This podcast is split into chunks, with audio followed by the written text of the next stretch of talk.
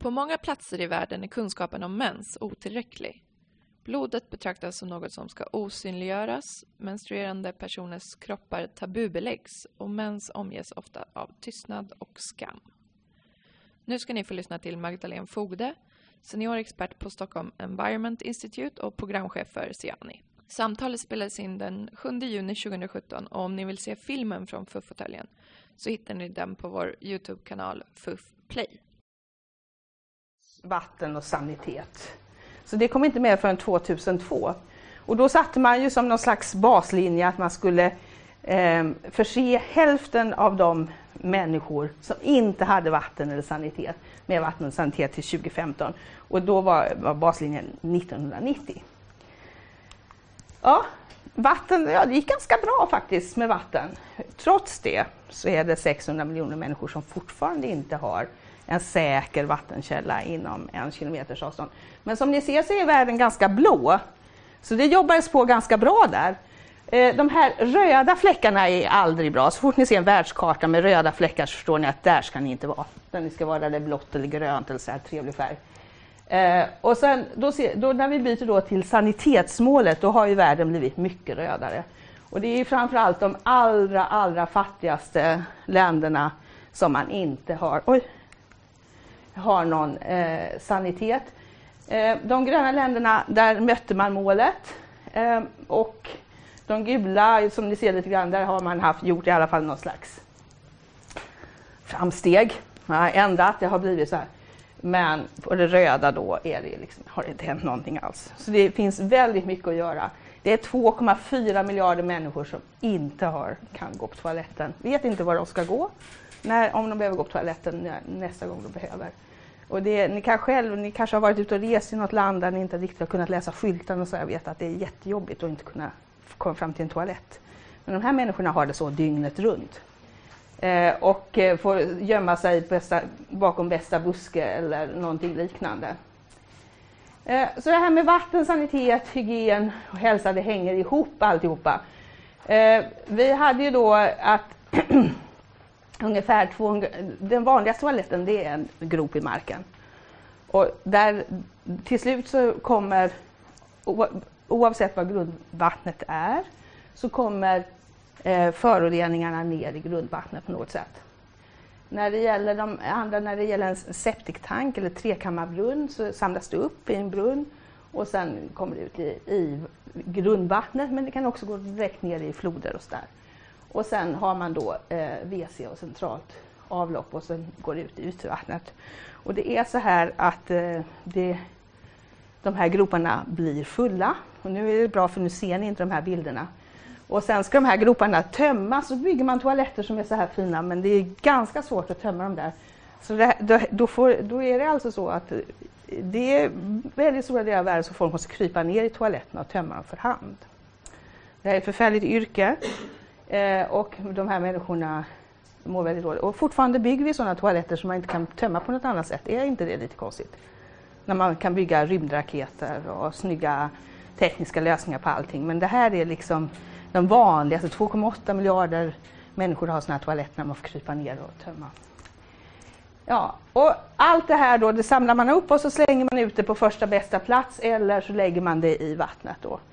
Och eh, det här är ju fullt av bakterier och andra föroreningar och det kommer in i vårt dricksvatten så folk har ständiga maskinfektioner, de är fruktansvärt, alltså de blir aldrig riktigt friska när man dricker så förorenat vatten.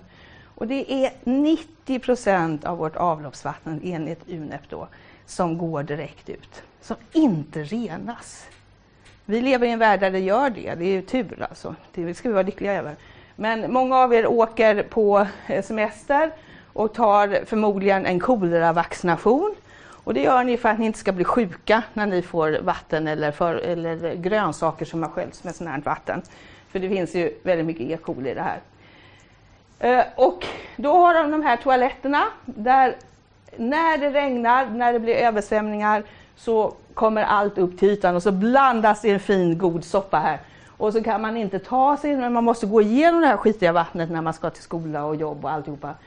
Och, och då blir det ganska lätt om man inte har koll på det här skitiga vattnet så får man då en av de mest liksom väldigt snabbt utvecklande sjukdomarna som är kolera. Och det här är alla som jobbar med vattensanitet vill överhuvudtaget inte höra det här ordet uttalas för det är en väldigt svår sjukdom. Alltså, har den väl börjat sprida sig så är den väldigt, den sprider sig snabbt och på mindre än två dygn kan de här människorna dö om de inte får rätt behandling omedelbart. Så det är en ganska, och den, den drabbar regelbundet många av de här länderna. Då. Ja, så vi jobbar med vattensanitet för vi vill verkligen få en bättre hälsa och minska barnadödligheten.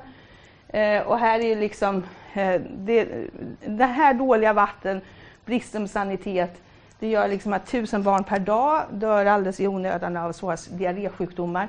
Det dödar mer barn än TB, aids och en annan sjukdom som är just nu in, i, till, malaria tillsammans, som är också den stora sjukdomar som tar mycket små barn. Eh, man har de här kroniska parasitinfektionerna, barnen blir kroniskt korta, de kan inte utveckla sin förmåga, sin kapacitet att tänka och, och eh, vara kreativa och sådär, utan de blir kroniskt korta. Man förlorar massa arbetsdagar och dessutom så är det inte nog med att man dricker det där vattnet, utan man äter även maten som har vattnat som är där, så den är också skitig. Ja, så där är det. Sen är det då liksom, vem är det då som det här med bristen på vatten och bristen på saniteten, det är några som liksom måste eh, ta ansvaret och, och drabbas av det här. Och då visar det sig då att det är så att det är kvinnorna som tar det största ansvaret. Det är de som hämtar vatten, det är de som ser till att männen kan ta ett varmt och skönt bad när de kommer hem på kvällarna. Då har de burit hem mm, så här, 100 liter vatten, 100 liter vatten, ungefär 100 kilo. Ni får ha med er 20 kilo när ni reser på semester. Ni tycker den väskan är ganska tung. Den, det är det man har på huvudet när man går och hämtar vatten. Det är 20 liters stunkar. Ni kan prova att lägga resväskan på huvudet nästa gång när ni går så får ni se vad det är. Och då kan man gå fem, fem mil med det där. Det är faktiskt under sådana förhållanden. Vad ska man göra då? Ja, man måste liksom börja tänka helt. Man måste tänka jag säger inte nytt för vi håller på att göra det, men man måste tänka mer än bara toalettstol. Man måste tänka, var tar avfallet vägen? Var hamnar det? Vart ska det? Det måste bort från människorna. Människorna ska, det ska inte vara i närheten. Det måste behandlas, måste, någon måste ta hand om det där. Och kanske eventuellt att det kan på, behandlas på ett sådant sätt så att vi kan återanvända den i livsmedelsproduktionen. Och sådär. Så här måste man ha på plats. Okay. Så, varför, varför blev det sanitet? Det här är en ganska fin bild. Eh, varför jobbar jag med det? Det kan man fråga mig. För att eh, jag är nämligen svensklärare i botten. Och då kan man ju undra varför jag jobbar på ett miljöinstitut och varför jag jobbar med eh, de här frågorna. Och så där är det i livet. Ni är på väg ut. Så ni, ni planerar att ni ska bli något och så blir det någonting helt annat. Träffas om 40 år och så ska vi se var ni har hamnat. Eh, det var så att eh, vi åkte till Mosambik, min man och jag, eh, och med våra barn 1992. Och där började jag jobba med kvinnoalfabetisering och kvinnoprojekt, jobba med kvinnor hela dagarna.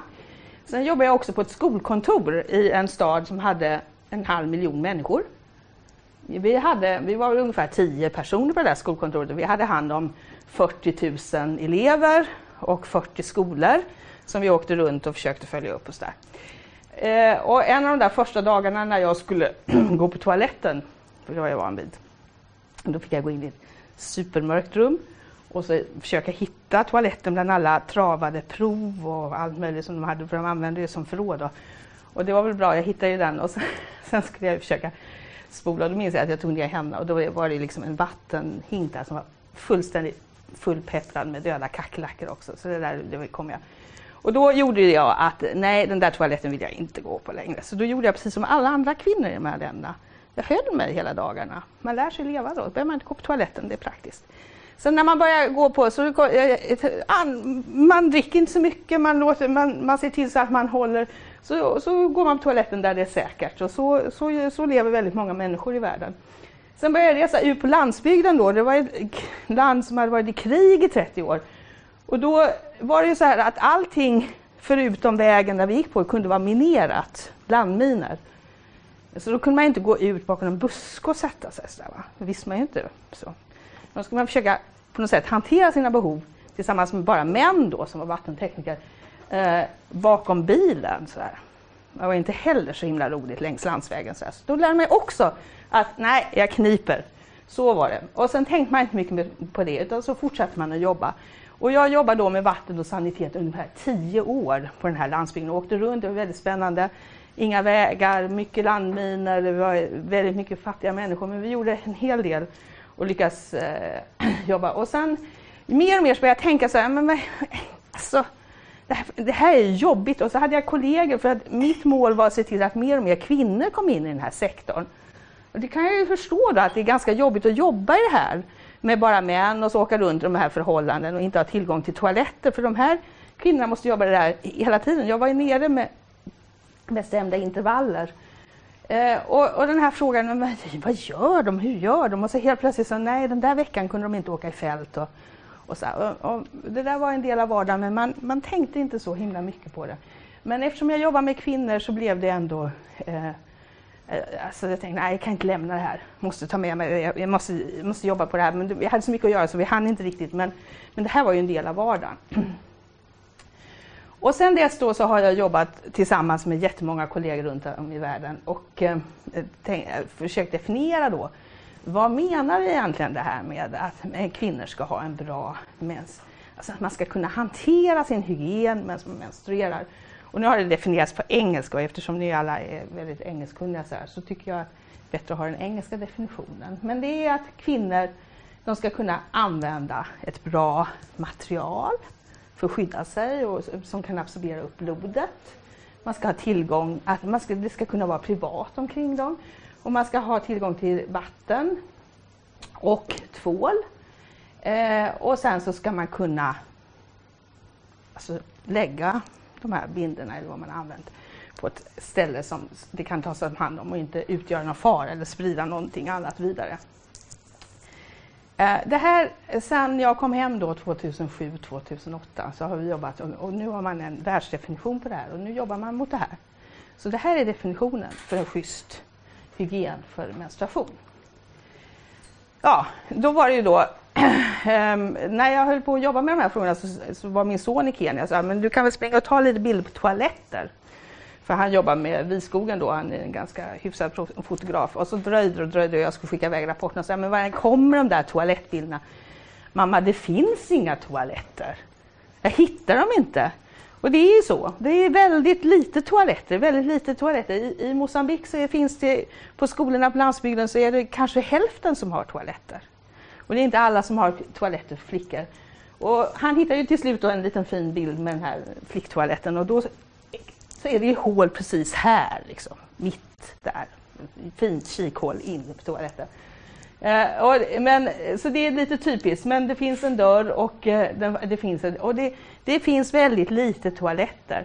På sjukhusen finns inte heller toaletter eller vatten eh, i ungefär lika stor utsträckning som på skolorna. Det är någonting som, ja det behövs ju, men det är självklart att det behövs om man ska liksom bedriva sjukvård eller mammor som föder barn, men det finns väldigt lite av, det, av den varan tyvärr.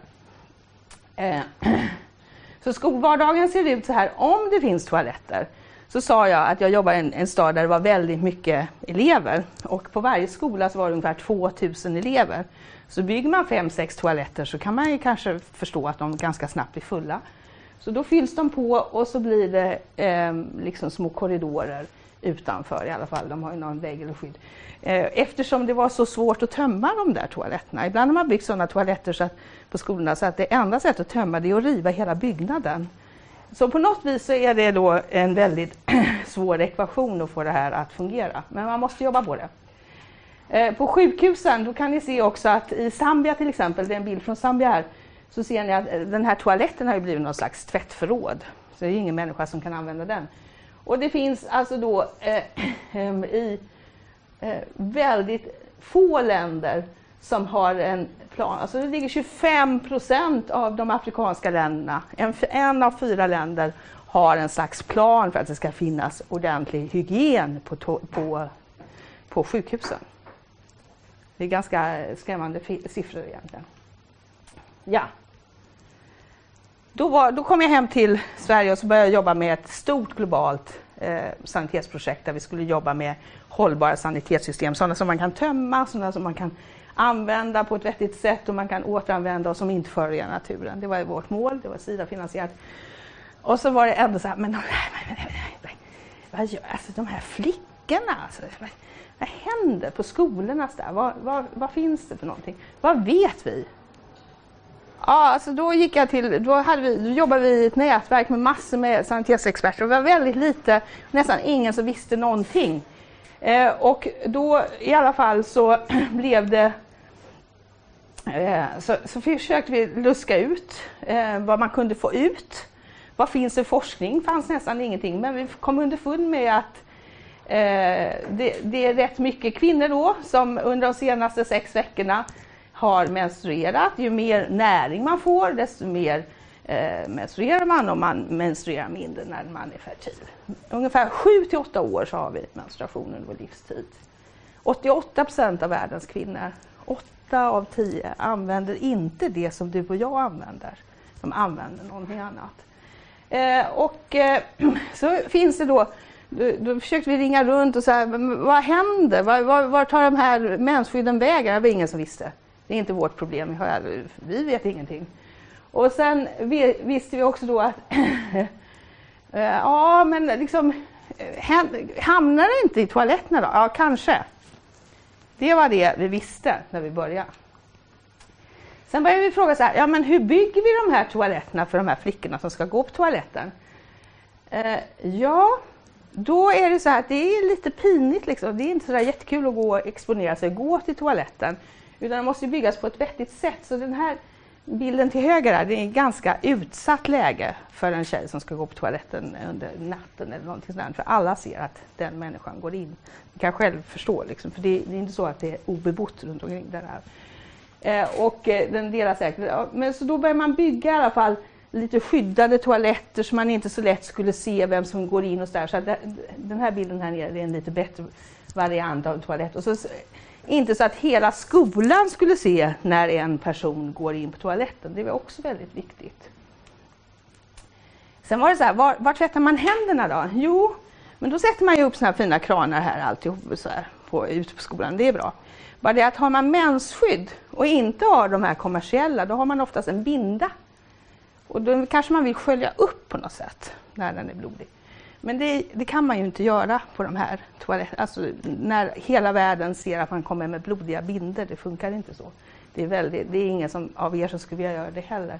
Så då har vi kommit på, ja men man måste ju fundera på hur man bygger de här toaletterna och vad, att man faktiskt ser till så det finns vatten och en slags liten sopkorg eh, inne i toaletten. Nu tycker ni att det här är liksom, det här är väl hur basic som helst. Men det här är liksom revolutionerande kunskaper 2008. Så här. Wow! Ja, men det har vi aldrig tänkt på. Det är lite lustigt va? Att hur, det, hur det har varit. Sen eh, jobbar vi då också med väldigt att vi försökte eh, eh, få reda på, flickorna fick själva berätta. De fick berätta sina egna berättelser eh, om saniteten. De fick bygga sina egna toaletter. Och vet ni vad, det liksom, vad de önskar sig mest på sin toalett? Har ni en aning? Spegel. Förlåt? Spegel. Ja. Dörr. Det, det, alltså det, det, det, fan, det byggdes, när man byggde toaletter så byggde man sådana som inte, det var som som runda toaletter så här, som en, eh, vad ska man säga, som en labyrint. Så går man in i den där. Och då kunde vem som helst komma in i den här. Men det, det ville man inte ha. Man ville ha en dörr som man kan stänga. Man ville ha ett lås som fungerar. Och man ville ha ljus så man ser vad som händer. För oftast är de här toaletterna jättemörka och de är mörka av en speciell anledning. Det är för att man vill ha det mörkt där inne så att alla flugor ska flyga ut mot ljuset. Så det finns en anledning till att de är mörka. Men det funkar ju inte för flickorna så vi fick vi börja tänka om och bygga om annorlunda. Sen var det så här, vi jobbar i södra Afrika och under 90-talet, vi pratar inte så mycket om det nu, så var det en stor aids-epidemi. Väldigt många av, av eh, flickornas föräldrar de gick bort. Fanns inte där. Så de här flickorna, när de fick mens, det är ingen människa i hela världen som hade talat om att de skulle få mens. De visste inte vad det var. De hade ingen mamma att fråga. De hade bara sin bror. De kanske hade en mormor eller någonting. De var livrädda, de visste inte någonting. Så då började vi plocka upp samlade erfarenheter. Flickorna fick skriva sina egna berättelser. Vi började skriva in att jo, men ni kan leva precis normalt. Ni kan ni kan springa, ni kan hoppa, ni kan äta det här, så, så det här är bra. Ni kommer kanske få ont och då kan man lätta eh, eh att, eh, vad ska jag säga, verken på olika sätt. Behöver inte nödvändigtvis vara med tabletter.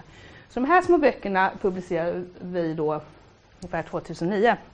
Och då, var, då kom de ut på olika språk och så Och samtidigt, det här hände liksom lite överallt i världen. Och, eh, eh, det ploppade upp. Och men de här böckerna, just de som vi utvecklade nere i södra Afrika, de blev lite modell för andra för de var väldigt enkla. Och, och framförallt tror jag för att de faktiskt var utvecklade med flickorna själva. Och sen så blev det, blev det när det här väl då blev stort och, och liksom kom eh, Unicef och de här stora organisationerna så blev det väldigt eh, sofistikerade och fina och roliga undervisningsmaterial och de, de läses av flickorna själva och de läses av föräldrarna. Så här, man vågar prata om det här. Va? Man vågar prata, man vågar, vad ska man göra? Så där.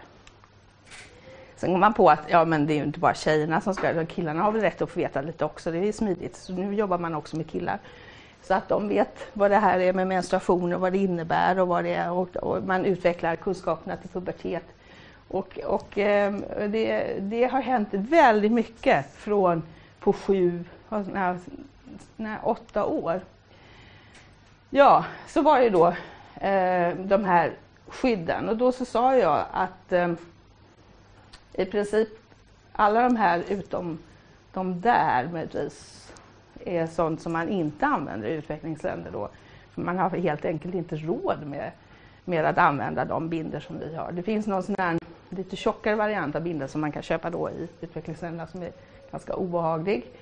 Eh, och sen har man, sån här, har man nu börjat, i och med att man förstår att det inte finns det här materialet, så, så har man börjat eh, göra eh, snygga och fina eh, binder som man kan återanvända och tvätta. Och sen är den här menskoppen då, den, den har funnits i en silikonkopp och den eh, kan man ju använda, jag vet inte, det är säkert några av er som har den. Man kan använda den, den, man, den, det kan man ha ungefär lika många gånger som man använder 12 000 binder. Så, så länge kan en sån vara om man tvättar den och sköter den på rätt sätt. Eh, den, den, den liksom har inte riktigt kommit fram på något sätt. Den har inte marknadsförts. Den har funnits här hela tiden. Det är nästan nu när det blir miljötänk i det hela som man tycker att det här är en bra lösning. För det här är ju en, en sån här binda tar ju 300 år för att den ska liksom komposteras bort. Va? Det är väldigt mycket plast och såna superabsorberande medel. Så Och då, då gjorde vi också när vi forskade då att vi, vi skulle se kvinnor som aldrig hade fått använda något av de här. De fick testa det här några månader.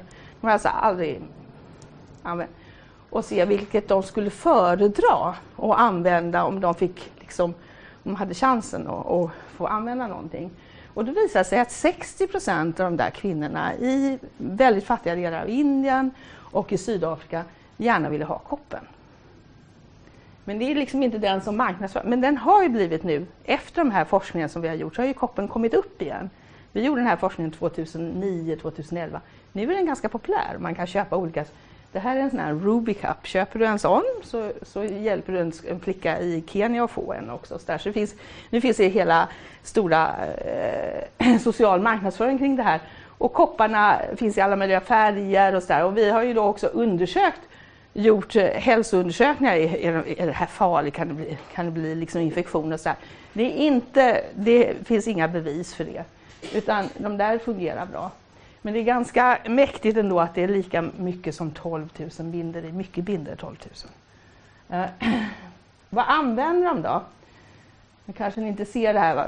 här är, bomull är väldigt vanligt, men det där är också majskolvar. Det kan man också använda. Använda majs, eller gräs, eller grus, eller eh, papperbinder. Alltså tygtrasor. Det är det vanligaste bomull och tygtrasor och sen finns det ju då, de kan se ut, de här är ju ganska fina då så att, eh, som man tvättar. Men det är viktigt, då är det så här, kan de tvätta de här då? Ja, tvätta kan de, men var ska de hänga dem? För det här är ju liksom så tabulagt så att det är oftast då så torkas de inne i något gömt hörn så alltså de blir aldrig riktigt torra. Utan då används de fuktiga och då, då kan det eh, bidra till infektioner. Hur mycket, det vet man inte riktigt. Det finns inte någon bra forskning på det.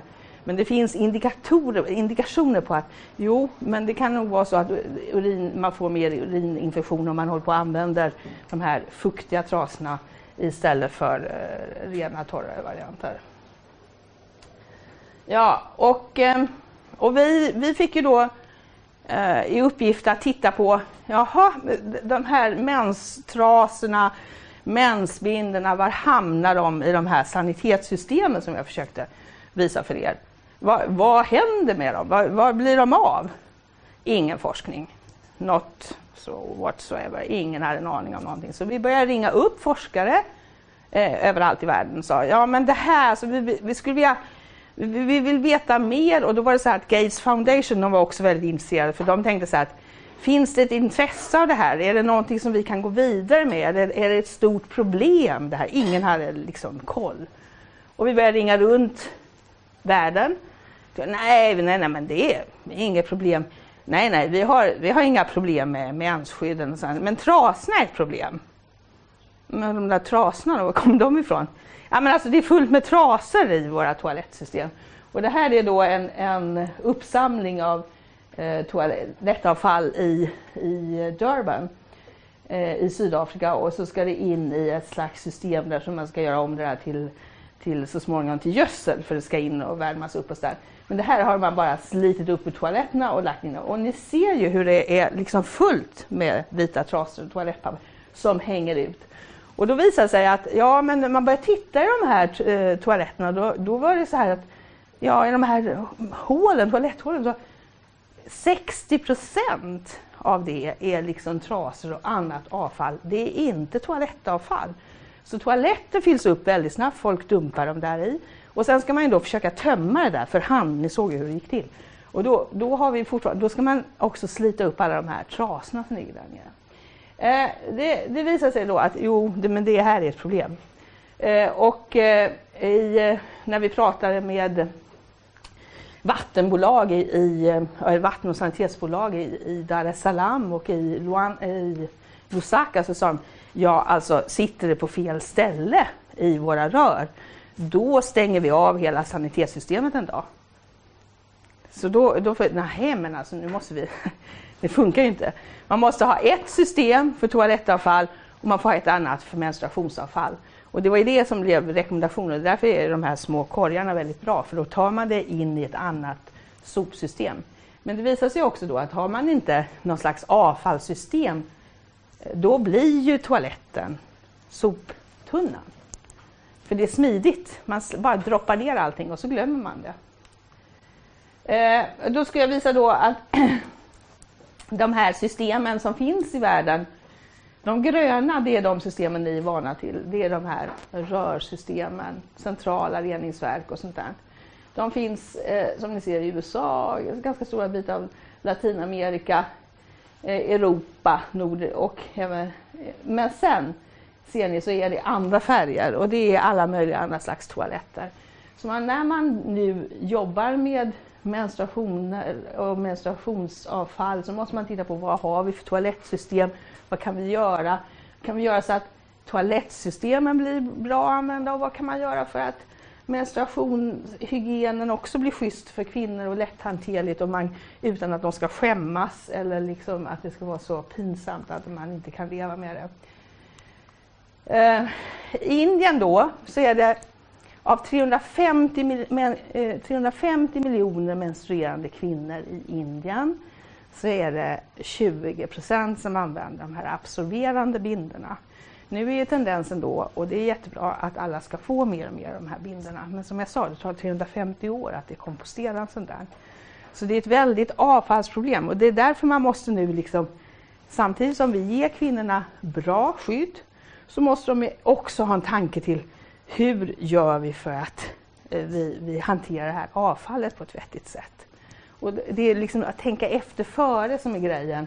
Och då, då kanske man kan på något sätt eh, hitta lösningar. Men det är svårt för att Ni vet att eh, det är samma sak som i blöjor, alltså det tar en jättelång tid och hur man ska separera. Vi har ju en stor havskonferens nu där man pratar inte om någonting annat än plasten i vattnet. Och så där, och de här, det här är det värsta avfallet, så på något sätt så måste man hitta en bra lösning. Och, kan, och, de här, och återigen så är de här kopparna en ganska bra lösning då, om den bara blir socialt accepterad i alla fall. Uh, ja. Så det finns ju olika lösningar på de här problemen och eh, vatten och hygienen var ju viktig. Den skulle ju komma in i, i toaletterna då eh, så att man kan tvätta händerna i avskildhet. Det behöver inte vara några exklusiva kranar. Det här, det här är enklaste lilla tippitapp.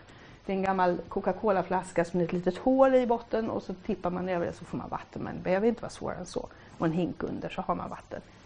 Man ska försöka ha avfall och sen också privacy. Är, folk vill inte bli kikade på. Det ska vara ordentliga toaletter så man får, kan hålla på och lösa det här i lugn och ro. Nu finns det då, sju år senare så finns det ju folk som har tänkt ordentligt och, och jobbat fram eh, hur det ska se ut. Så det här är från Unesco som är FNs eh, utbildningsorgan. Och, eh, vad ska säga, och de jobbar då, så här ska det se ut på skolorna. Det ska finnas privat och dignitet, det ska vara säkert, det ska vara hygieniskt. Och sen så ska det, det, här, allt det här finnas. Och det här, förhoppningsvis så kommer det här då vara tillgängligt för all världens flickor 2030. Eh, på arbetsplatserna så har ILO, då, som är FNs arbetsorgan, de har fattat att jo, men alltså, man ska ha hygien och det är säkert för kvinnor. Och, eh, då, det finns de här, det här är liksom inget nytt 85, 61, men trots det så visade det sig då i både Indien och i Kambodja med textilarbetare att det finns inga toaletter. Eh, många gånger använder man trasor i textilindustrin som, där det fortfarande finns kemikalier som mensbinder. Så det finns väldigt mycket att titta på. Och, och, och dessutom, så, eftersom det inte finns toaletter så kommer inte de här kvinnorna till jobbet just de där dagarna när man menstruerar som mest. Man också tittar, men de är inte borta en hel vecka, men de är kanske borta en eller två dagar när man har som mest ont eller när man, man blöder som mest. Eh, och då, då är, finns det inte, det finns väldigt mycket studier som säger okej, okay, om vi investerar så här mycket pengar, en dollar i vatten och sanitet får vi tillbaka 4-5 dollar. Eh, det har Världsbanken räknat på, men det är ingen som någonsin har gjort någon sån uträkning på vad händer om vi ser till så att det här fungerar. Vad händer med produktiviteten med de här företagen och vad händer med vinsterna? Och så, det, det, och, eh, så det, det saknas sådana här studier, så, men de, de, kommer säkert för det har hänt väldigt mycket. Men då var det så där, var arbetar kvinnorna då? Ja, det är en minoritet som jobbar på fabrikerna, men de flesta är ju i informa, informella sektorn. Det är 80 procent av de, den arbetsföra befolkningen då i Indien som man räknar liksom anställd i någon slags informell sektor eh, och 90 procent av dem är kvinnor. Alltså de, de finns någonstans eh, där det inte finns toaletter kan man lugnt påstå.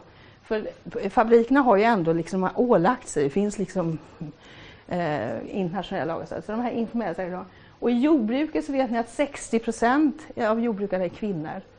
Och de, de har inte heller några toaletter. Och vad det gäller lantarbetarfacket då, så jobbar man just nu med att se till så att eh, lantarbetarkvinnorna, för det är en väldigt stor mm, eh, arbetsgivare då, de som jobbar på tillfälliga jobb när det är skördetid och sådär, att de ska ha rätt till toalett och kunna sköta sin menstruationshygien. Och det är en stor kamp för de, de, får faktiskt inte ens dricka vatten ibland när man jobbar ute på fälten och det är 40 grader varmt. Och så, där. så att, men Svenska Kommunal driver det här nu väldigt eh, mycket i år. Eller så jobbar de hemma. Och jobbar de då under de här förhållandena så är det ju liksom vatten A och O fortfarande. Att man kan sköta sin hygien och då får de ju gå till vad som finns och ibland kan det vara ganska långt. Det här tror jag inte jag, jag skippar den. Vad händer då sen jag har varit med i det här? Då började vi jobba med de här böckerna. Eh, vi, jobbade, vi, vi, gjorde lite väsen av det här. Vi tyckte att man skulle titta på det här i södra Afrika. Och helt plötsligt så en jul, eh, julhelg så pratade president Zuma om att nej, det här ska bli alla flickors rättighet, skolflickors rättighet. De ska få ha menstruationsskydd. Eh, så då bjöds vi ner och det var det första hög, man kallar det högnivåmöten när det, var, när det är ministrar och eh, president, det var från presidentens kabinett som var där. Och, och, så hade vi diskussioner om menstruationer och vad som fanns och vad det fanns för skydd och hur det såg ut på skolorna, hur det såg ut på arbetsplatserna. Så det var det första mötet i världen om, kring menstruationer. Och, och så sa man så här, ja men han har sagt det här. Och då tog det 2017 så ser vi nu att det här är utbildningsministeriet i Sydafrika som har sina egna paketerade binder som man delar ut till flickor och kvinnor i olika provinser. Så de har det här. Så det händer ju grejer ändå. Det är lite kul att liksom vara med på det här. Sen tog det några år. Sen började FN då säga, nej men vi får göra någonting åt det här också. Det här, vi, vi måste ta upp det här. och då kom det första högnivåmötet i Genève. Eh, och då var jag där nere också och då pratade man och lyfte upp det här. Och då var det privata sektorn och det var från olika länder och forskare och så där. Och vad man visste och inte visste. Och, och, och arbetet började, tog fart. Och det, det, väldigt mycket satsar man på att, att man ska lära sig, man ska kunna, man ska veta vad det är som händer med ens kropp. Så det här har, skett, det har spridit sig väldigt snabbt. Eh, information, alla som jobbar med sanitet, de har tagit det här på sig. De som jobbar med reproduktiv hälsa tycker att det här är ett viktigt ämne som man plockar in i sitt arbete också. Eh, och 2014 så fick man då den internationella mensdagen. Eh, och det var ju bara för någon vecka sedan. Det var ju tal om att jag skulle komma i samband med den så vi skulle fira den lite grann. Och då, då hände det några valda aktiviteter. Eh, och i år så kunde man konstatera att det var över 300 aktiviteter som organiserades runt om i världen. Så det här sprider sig så det blir stort. Eh, det, och det är väldigt roligt. Ja, hur är det då i de här nya globala målen? Vi har en gemensam agenda. Eh, då är det så att eh, det här inte, man, man tycker inte att det här är, ännu i alla fall, har det klassificerats för att bli någon slags mänsklig rättighet. Det är väldiga diskussioner kring detta. Och, och eh, i och med att det inte är det så har det inte heller hamnat definier, väldefinierat kan man säga i de här globala målen. De här globala målen började jobba med 2012.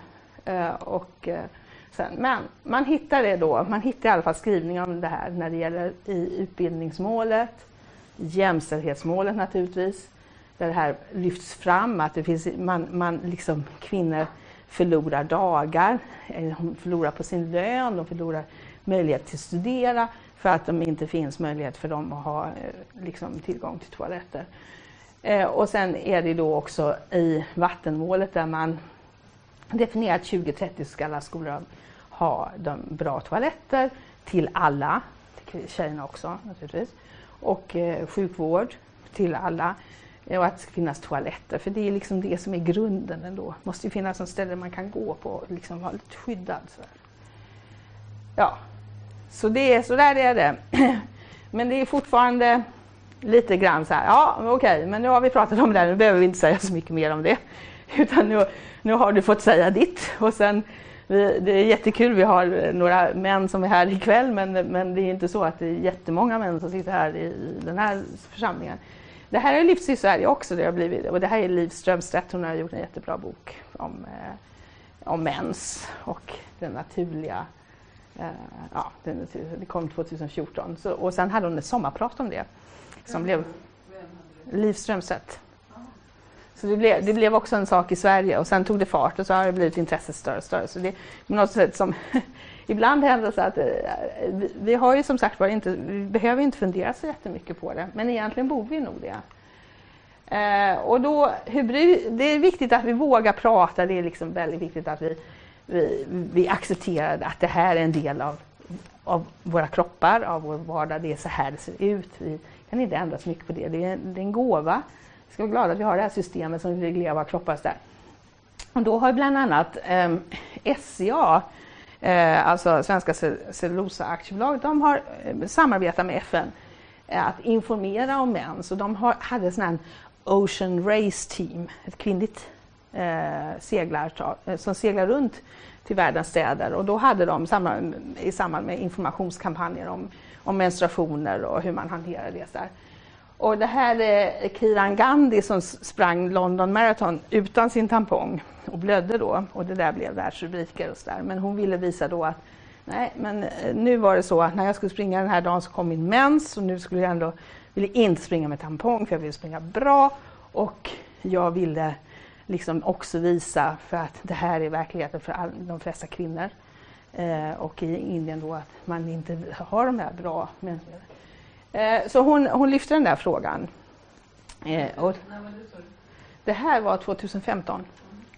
Men det blev extremt stora rubriker världen över, över att det här var ganska äckligt och så där kan man inte göra. Så, ja, hur ser det ut i Sverige då? Ja visst, vi har, så här ser det ut på skoltoaletter i Sverige. Och det gör vad då? Att de kniper ihop. Så här. Det är inget kul. Alltså, dörren funkar inte, det är liksom snuskigt. Och det, är så här. Det, är ganska, det är en ganska vanlig vardag för många ungdomar. Och, och, och det kommer regelbundet så här, att vi måste göra någonting åt skoltoaletterna. Fridolin han var ute och pratade att det här går inte. De går hela dagarna, de kniper igen, de går inte på toaletten som de ska. Och så här. Det blir inte lugnt, de blir oroliga och så. Eh, så det här är ju ett ansvar. Och då, då, kan man undra varför ska det vara på det där viset? Vem är det som har ansvar?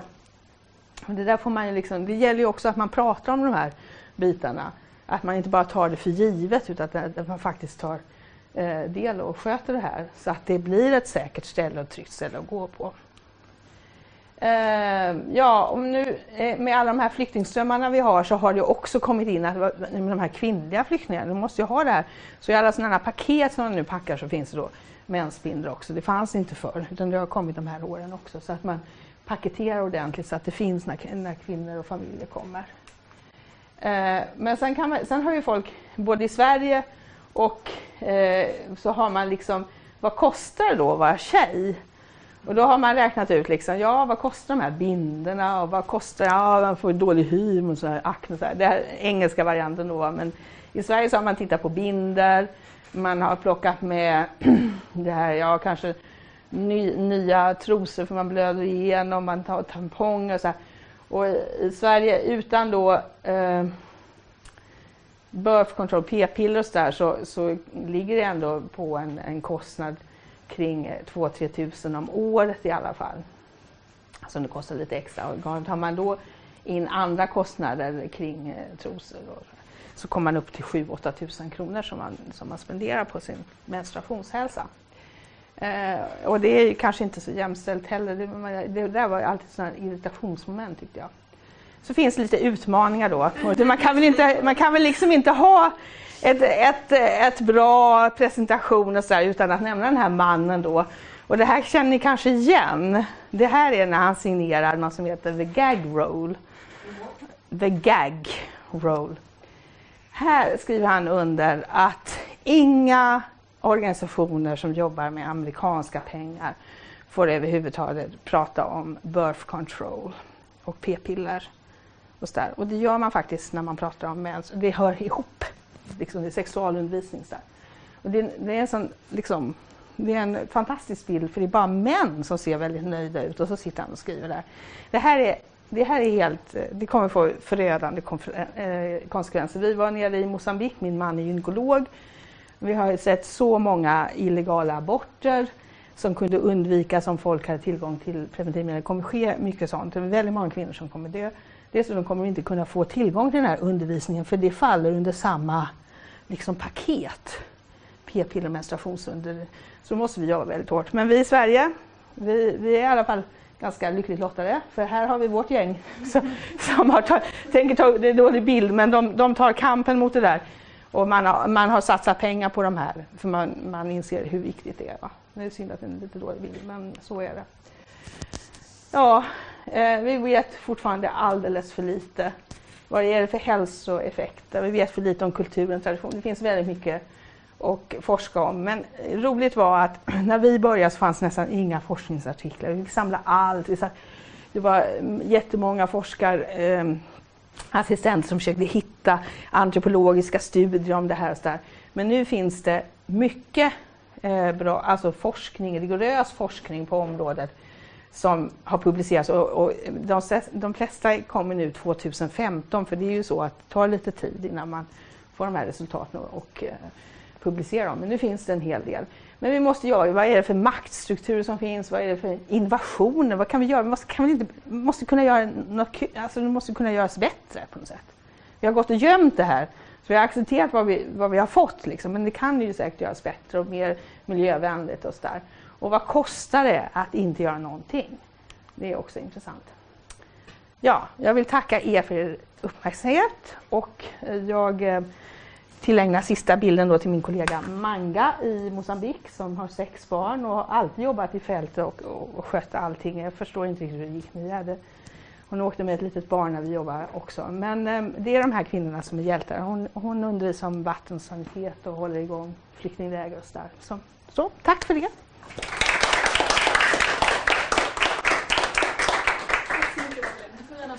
Ja. Um, ja, vi ska inleda frågestunden nu och eh, jag undrar om eh, någon har någon fråga? Ja, ska vi ta här borta först? Menskoppen har ju funnits ett tag i Sverige. Vad är den gjord av och vem är det som tillverkar den? Och varför är det inte mer reklam för den? Ja, alltså den är gjord av silikon. Mm. Eh, och eh, det finns eh, det finns många olika tillverkare. Jag vet inte om det finns en specifik svensk tillverkare.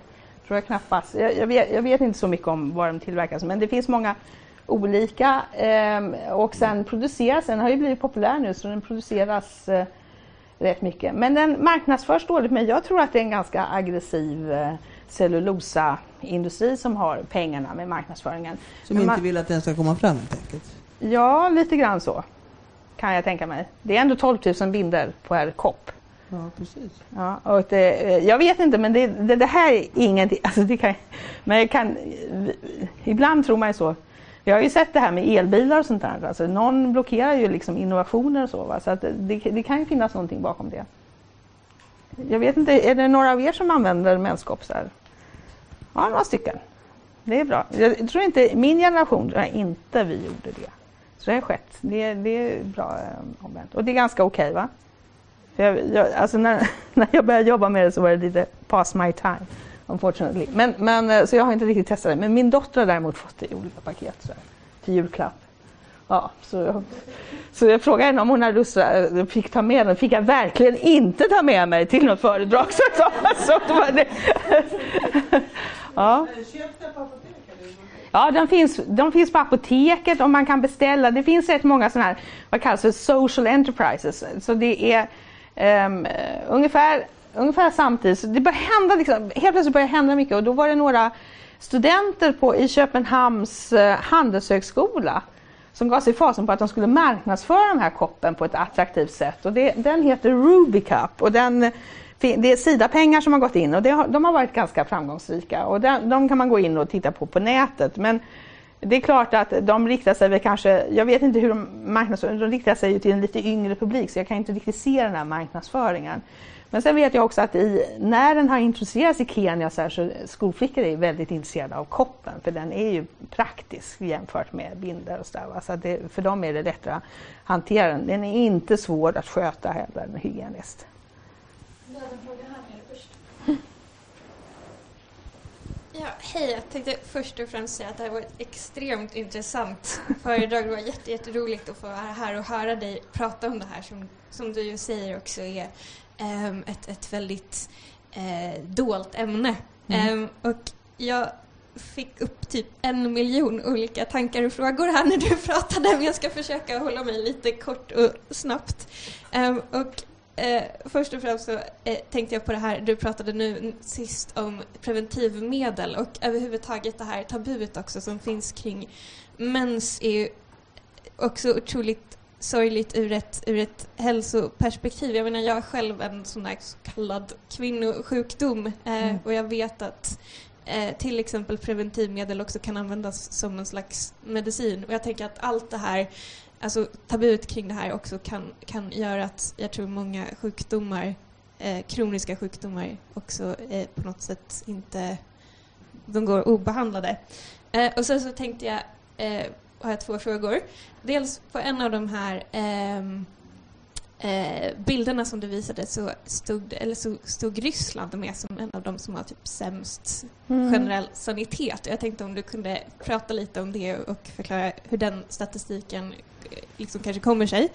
Ehm, och sen så undrar jag om någon av de här ställena som du har varit på, om det finns någon, eh, vad ska man säga, lite mer accepterande attityd kring mens eller om det generellt sett är liksom det här eh, Mm. tabut.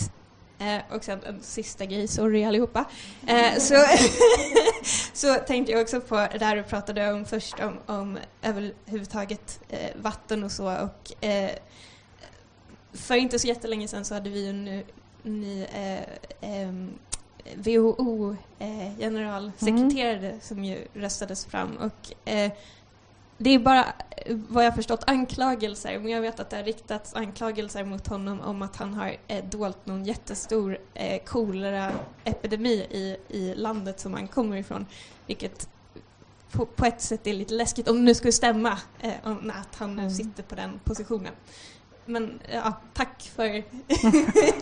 för Ja, eh, jag, jag kan försöka svara då på de här. Jo, jag tror att det finns, alltså vi vet alldeles för lite. Jag tror att det finns väldigt mycket dolda sjukdomar som, som vi inte riktigt vet. Vi har inte, vi har inte bevisen där. Jag sa att urinvägsinfektioner finns, alltså, men vi har inte tillräckligt vetenskapliga bevis. Det krävs lite större studier. Och eftersom det här har varit tabu och så, här, så har man inte, det finns inte pengar.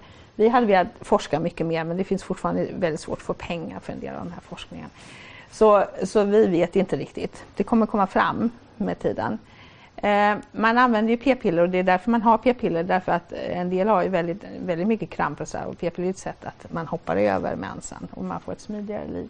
Så det kan ju användas men eftersom den här gag roll, va, alltså, då, då får ju överhuvudtaget oavsett om det är för mens eller vad det är för, så det kommer inte, de får inga pengar för det. Så de får inte informera om det överhuvudtaget. Eh, sen var det, nu ska vi se, Ryssland. Ja, alltså jag tror att eh, det, det, det är alltid svårt med de här för man kan inte liksom nu, mät, nu, nu bestämmer vi oss för att räkna alla toaletterna idag som finns och som fungerar. Alltså så fungerar det inte. Det är olika det kommer in sådana här nationella eh, hushållsundersökningar och då får man in information. Och det kan hända att man inte har fått fullständig information från, från Ryssland. Men det är också så att på landsbygden, ryska landsbygden, så ser det ganska erbarmligt ut långt bort från Moskva kan man säga. Eh, och, och vi, Sida har ju jobbat rätt mycket både i Ukraina, Georgien, så där. Alltså det sanitetsproblemen är liknande de som du hittar i Afrika, i Latinamerika och så. Eh, Så att, eh, och sen har man kanske inte gjort något framgång, men jag kan inte direkt säga mer än så. Eh, sen var det den nya WHO-chefen. Ja, alltså kolera är inget bra att ha i sin record. Liksom. Det, det är jättesvårt när det väl har brutit ut och stoppa det. Och vi bodde då i Beira som är en stad i Mosambik där staden ligger under havsnivån. Och det var därför jag började jobba med sanitet också för att man kunde verkligen inte göra något hål utan att man kom ner i grundvattnet. Och förstår man då hur en vattencirkel fungerar så, så förstår man att man kan inte skita i det vattnet som man snart kommer dricka, då blir alla sjuka. Eh, och, och då var det 98, det var precis innan jag skulle eh, börja jobba med vatten och sanitet riktigt aktivt. Då sitter vi på någon sån här middag så här. Sitter några läkare så, så sitter de och viskar så, här, så, här, så här. "Ja, Jag har bekräftat fall av kolera. Så här. Ja, viska alltså, du, skulle väl inte få veta det. Det är någonting som man liksom måste jobba omedelbart. Och, men det, är- det är en sån eh, häftig sjukdom och folk är så rädda för dem. Då. Men, så vi åkte hem från den middagen. Då åkte jag hem och informerade alla som jobbar med oss för man hade massor med vakter och sånt där. Eh, att nu är det coolare i stan och nu ska ni göra det här och det här och det här för att skydda er. Och, och då gick ju min kokerska hem och såg att Eh, hennes son hade de här väldigt akuta diarréerna och tog honom till koleramottagningen som de hade faktiskt öppnat. Och han blev behandlad med samma. Så han var en av de första patienterna han blev behandlad. Men sen dog det, för de kom inte in i tid och sådär.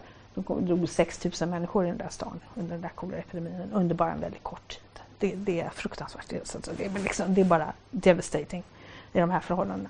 Så jag vet inte vad han har dolt, men det är alltså en fruktansvärd sjukdom och har han dolt det så är det alldeles förfärligt. Det måste liksom, det, det kan bara, man kan stoppa den, man kan behandla den utan att man har massor med toaletter, men liksom bara med informera och folk förstår hur det fungerar så att de inte får det smutsiga vattnet ner i sin kropp. Liksom. Men, det, men jag har inte läst det själv så jag kan inte säga mer. Men det är, det är, väldigt, det är, det är en väldigt jobbig sjukdom och läkarna som ansvarar vet att det, det, det är dygnet runt, de, de sover liksom inte. Det, det är en hemsk sjukdom. Vi hade en till fråga här nere förstår Hej, um, så då var det om menskoppen, men Mm. jag vis, visste inte riktigt om hur skulle man tvätta den? Om man tvättar den med ljummet vatten och lite tvål. Men vad är det om det är smutsigt? Ja, men du tvättar bort det med tvål och vatten och sen sätter du den och så den torkar ordentligt. För jag tänkte på i de utvecklingsländerna om de bor ute... eh, Jo, men tvättar du med vatten och Ja. tvål så, så är det okej. Du behöver, alltså, även när du tvättar händerna så behöver du egentligen inte ha tvålen. Men du ska gnida ordentligt och tvätta så, blir du, så håller du din hygien. Men du måste ha vatten. Okej. Mm. Det Men den ska vara torr. Ja. Den måste torka. Liksom. Fuktigt, då har du kvar grejer. Utan den ska torka ut.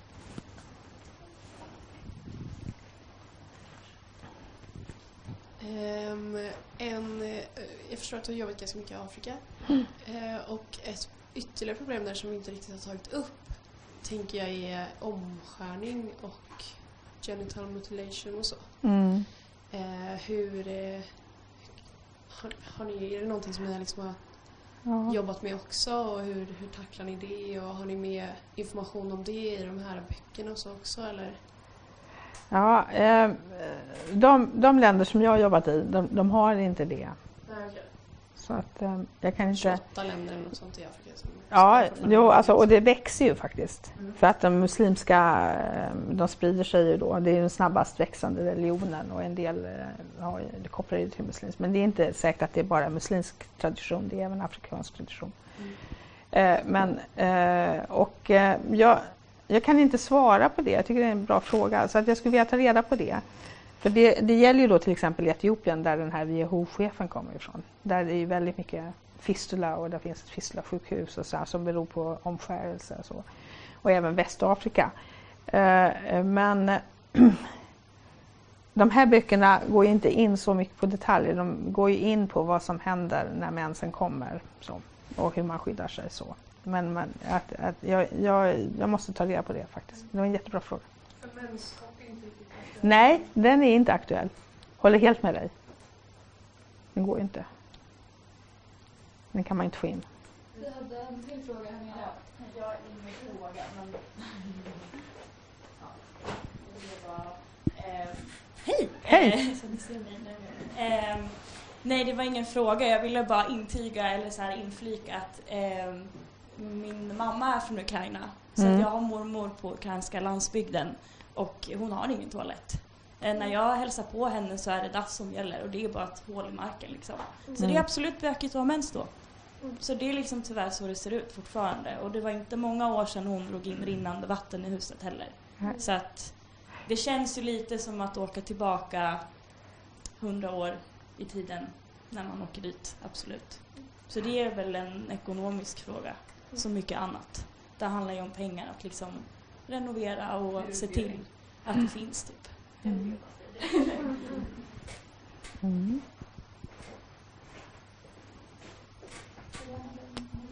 Jättefint att lyssna på dig, verkligen. Eh, och då frågar jag först, eh, är, du, är den här gruppen som du har, den här forskargruppen här i Stockholm, är ni är pionjärer på det här området? Har ni liksom dragit igång det här jobbet eller finns det föregångare före er?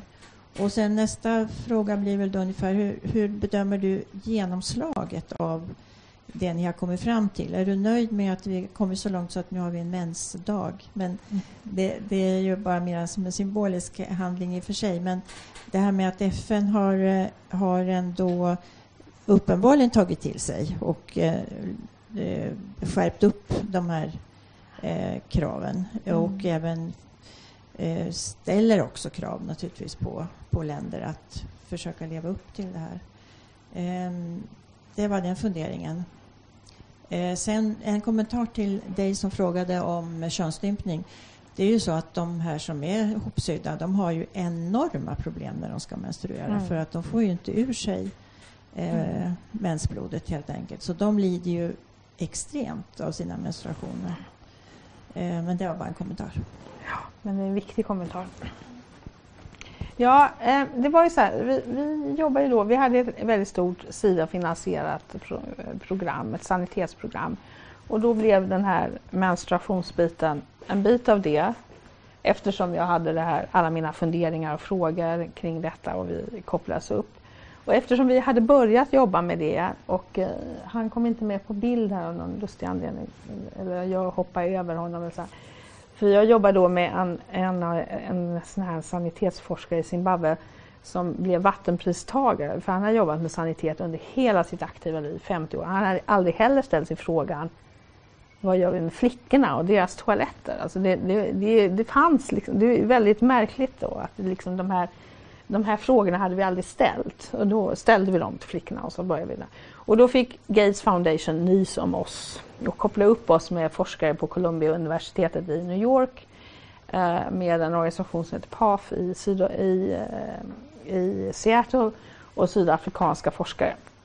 Och så bildades vi, då bildade vi den här första eh, forskningsgruppen och så tittade vi på de här alla bitarna.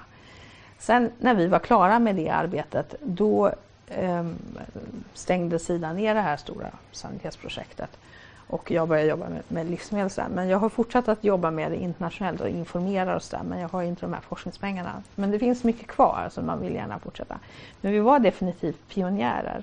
För vi fick i uppgift av Gates Foundation att titta på de här olika aspekterna och se om, om, de, om, det var, om det var troligt och vettigt för dem att fortsätta att arbeta med de här frågorna. Och sen tog Gates Foundation upp och har fortsatt att finansiera väldigt många forskare runt om i världen, för så fungerar Gates. Eh, och det, är, det, här är ju en hjärtefråga för Melinda Gates också. Hon jobbar väldigt mycket med kvinnor och med barn och sådär. Så att eh, det blev aktuellt för dem. Eh, men vi, vi fick lägga det ifrån oss. Sen är det också så att vi, vi är ett miljöinstitut. Och där är det väldigt mycket, alltså det finns ju forskningschefer och där. Och de kanske inte tycker att det här med mens riktigt hör hemma i våra forskningsportföljer då. Alltså att, eh, det, då plockas det upp kanske av hälsoforskare istället. Då. Alltså att det har inte högprioriterats kan vi säga hos oss. De som bestämmer.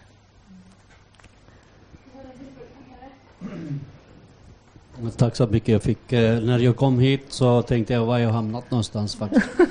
så, eh, jag heter Jafar Mogal och är ordförande för Immigranternas riksförbund. Vi har 35 etniska olika föreningar Mm. runt om landet och eh, jag är från Pakistan. Och eh, först och främst eh, skulle jag faktiskt jag reagera på när du säger det här om omskärelse och sådär. Mm. Det är absolut inte någonting med religion att göra. Absolut inte, det Mm. garanterar jag. Mm. Och eh, om du, eh, för att eh, du ska kolla i Pakistan och Indien och så där, muslimer också där, så det, det görs inte där. Nej. Och det är bara ett geografiskt problem. Ja, jag tror det också. Och eh, det är viktigt att alla vet om när ni ska, ni ungdomar som, man, det är lätt att sprida rykte liksom att det kan vara, vara på grund av att de här länderna är muslimer. Mm. Och eh, det andra är att eh, när det gäller eh, sanitär, det, eh, faktiskt jag fick lära mig väldigt mycket om den här. Eh, Och det finns ju, kanske ni har hört, solvatten eh, Mm. Så jag har gjort själv en projekt i Pakistan för sju, åtta år sedan. Eh, de fick eh, 13 000 barn fick, eh, 55 skolor fick de här dunkar av en, en organisation, organisation som heter NOW. Mm. Så liksom, eh, så det, det är en bra lösning för den när du ser att de eh, kvinnor eh, bar så eh, mycket vatten och så långt. till oss. det är en bra lösning, tycker jag. Om ni kunde rekommendera och, eh, i andra organisationer att göra de här grejerna. Det var det. Ja, alltså, det, jag håller helt med dig. Eh, jag försökte säga det också, att det, det är kulturellt. I, eh, och, och det är intressant ehm, det där med omskärelsen. I Västafrika så håller man ju faktiskt på att mobilisera byarna så man slutar med det. Det är en stor rörelse i Västafrika där ledare, eh, manliga eh, ledare så där, som, eh, håller på, eh, tar initiativet då så att man slutar omskära sina flickor. Det är väldigt bra. Men samtidigt, och det, det var det som jag var så osäker om, så vi måste veta mer också. Det sprids också ner till södra Afrika. För jag sa att vi hade det inte då när jag jobbade. Det var... Va? Ja, ja, ja precis. Och där, där sprider det sig mer. Alltså. Men det var, inte, det var inte aktuellt i de regionerna där jag, där jag jobbar. Så, och, och där sprids det, så där, vi vet för lite. Och det skulle vara intressant att veta varför det sprids söderut när det nu håller på att tas bort, alltså att det avslutas. Eh, sen solvatten, det är en bra lösning för konsum det vattnet som man konsumerar. Man måste trots allt eh, sen ändå ha det här andra vattnet då till bad och hygien och sådär. Man har ju eh, olika rekommendationer. 50 liter vatten per dag per person. är WHOs rekommendation. Du och jag, vi konsumerar kanske 250 liter vatten per dag. Så. De här kvinnorna som jag jobbar med, alltså jag lärde mig att använda typ 5 eh, liter. Eh, det går ganska bra att duscha med det, med kopp. Så. Man blir ren i håret och man känner sig fräsch. Och jättehärligt, 5 liter. Ni kan gå hem och testa det ikväll tycker jag. Så, alltså, så, så, så får, får, ni testa hur det känns och så där. Men man kan bli riktigt ren och fräsch av 5 liter. Eh, för att det, det, är inte så, eh, alltså om man är en familj på 10 och varje, varje människa ska ha 50 liter, då får man bära 500 liter varje dag. Alltså det, det, man får, så det, det händer ju inte. Utan folk har mycket mindre än, än WHOs rekommendationer. Eh, men solvatten är, och då, då, det är det här som jag försöker säga att man kan, om man undervisar människor, om man lär dem vad är det som gäller när det är kolera? Ja, du ska absolut inte ha ett förorenat vatten in i din mun. Och då kan solvatten vara en, en sån, eh, för det, i solvatten det är en sån här dunk som renar vattnet som man konsumerar. Det är bra. Genom solen, ja. Det är bra för, för drycken. Men, men man behöver mer vatten än det som ryms i dunken. Det just med det fördelen med solvatten är att den där eh, värms upp till 60 grader. Ja. Och där kan du tvätta dig, du kan diska, du kan laga mat och sådana grejer. Det är bakteriefritt. Och eh, det är liksom, den dödar inte någonting, eh, liksom, eh, järn och sådär går inte bort. Det är bakteriefritt. Ja, precis. Nej men det är bra och det finns, man kan, man kan även lägga vattenflaskor på sina tak eller mot mörk bakgrund, det kallas för sodis, det är samma princip. Så man behöver inte ens ha den här dunken utan man kan ha tomma Coca-Cola-flaskor och, så där, och det, det, kan man hantera sin vatten. Så. Mm. Uh, vi har tid för en till fråga och sen måste vi nog avrunda. Uh, varsågod. Då passar jag på. Tack så jättemycket. Mm. Både tragiskt och intressant och lite hoppfullt ändå kanske. Eh, ni pratade lite om att cellulosaindustrin typ skulle kunna vara med och motverka menskoppen och sådär. Så. Inte motverka, men förespråka sina egna produkter kanske. De ja, Okej, okay. Men har, har man sett några sådana initiativ alltså från näringslivets håll? Är det några typ OB Libress och motsvarigheter. Är det några sådana som går in och stöttar sådana här informationsinsatser eller? Ja, SCA, alltså, det är ju ändå cellulosaindustrin som, har, som informerar och stöttar FNs informationsarbete om menstruation, så det, de gör ju också så. Och hur men, stor del är de i det här då? Ja, nej men alltså man, man försöker hitta samarbetsformer med privata sektorn för att, eh, och, det, och de har satsat på det där, de med information och stöttar dem. Så det är de nöjda med. Det är ett exempel. Men, men sen om man tittar på den här, så jag har sett lite reklam, den här hög nivå för själv är man ju inte utsatt. Det här är ju, alltså jag sitter ju inte och tittar på program för tonårstjejer. Men, men jag vet ju att det kan vara, det kan ju vara ganska lockande och väldigt fin reklam då med till exempel Always som är en sån här väldigt smidig och behaglig binda som de flesta av er kanske har använt någon gång eller kanske två. Eh, och, och, den görs alltså extremt genialt och vackert för afrikanska tjejer då liksom, så man blir jättesugen så är det klart att man ska ha en sån där. Men, men det kostar ju kanske en hel månadslön att köpa ett sånt här paket. Nej, men inte en hel månad, men, men en stor bit. Så de har ju aldrig råd att köpa de där bindorna för de är så dyra. Um, men de är, de, det finns ju mycket pengar för marknadsföring och vi vet ju det. Liksom. En aggressiv marknadsföring gör ju att, att folk lockas att köpa saker. Då, va? Och då har ju inte den här koppen haft samma möjligheter. Och, det, och, och eh, nu, har ju, nu, nu, har det kommit in pengar, alltså Gates går in, va? Men, men det är inte den här, men de går in och lanserar koppen som ett alternativ.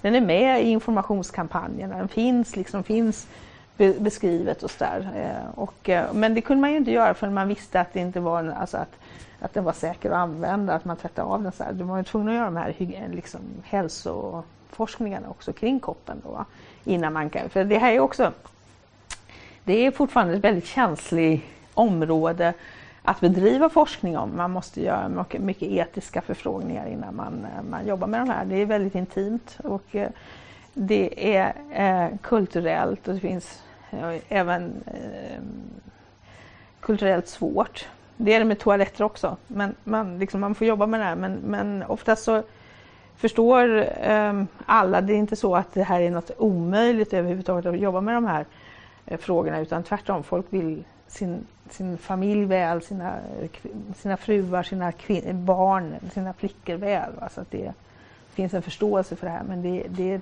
svårt att bryta genom tabuerna. Men vi har kommit en bit på vägen, det tycker jag att vi har lyckats med. Att eh, det här finns en människa, det, det, det är mycket, mycket kvar. Men vi kan prata om det här kan skoja om det, vi kan informera, vi kan fira den här dagen. Så här. Och det är okej. Okay. Det kunde man inte innan. Avslutningsvis vill jag fråga dig, du har redan nämnt lite det här med tabun och MHM. Mm. Kan man genom förbättrad MHM krossa tabun eller tror du det kommer finnas kulturella motstridigheter kvar? Nej, men alltså vi, vi, kommer, det här, det, vi, vi, vet ju väldigt lite. Så här, det, det här, och, och, kvinnors kroppar och makten över dem och så där, vad det, det har varit sedan, Adam och Evas tid väldigt omdiskuterat. Eh, vi jobbar, vad vi vill vi, att folk ska få, att flickor ska få veta hur kroppen fungerar, varför det här händer i deras kroppar, att det här är naturligt, det drabbar dem alla, de är inte ensamma om det här. Eh, och, eh, och, och, det är ju bara genom att prata om det och låtsas att, alltså att eh, diskutera det här. Att, och jag, ja, alltså det, det är enda sättet framåt liksom. Jag vet inte riktigt eh, hur man ska göra. Men då, då kommer vi alltid möta de här grupperna av män som kanske inte är så intresserade av just den här informationen. Och då, då får man bara jobba vidare, för så är det. Liksom. Man, man jobbar några steg framåt och sen går man ett steg bakåt och sen jobbar man på igen. För man kommer framåt. Det har hänt jättemycket, jag måste säga det. Det har hänt massor under den tiden som jag har varit professionellt aktiv. Jag hoppas att det kommer hända ännu mer. För 2030 ska vi i mål. Då ska alla ha toaletter, alla ska ha bra menstruationshygien, eh, tillgång och sådär. Och det, det, är ni som fixar det. För jag tänker 2030 då har jag lite lugnt och skönt. Ta hand om mina barnbarn och så. Ja. ja. Eh, då får vi nog avrunda. Ja. Eh, jag tackar Madeleine ja, som tack. närvarade idag och kunde komma. Eh, vi har en liten... Åh, oh, härligt! tack! tack. Eh, och jag vill meddela lite om FUF. Om ni är intresserade så får ni gärna gå med. Det kostar 150 kronor för studenter och 200 kronor för övriga. Eh, mer information finns på vår hemsida www.fuff.se. Eh, jag tackar så mycket att ni kunde komma och jag hoppas att ni tyckte att det var jätteintressant. Mm.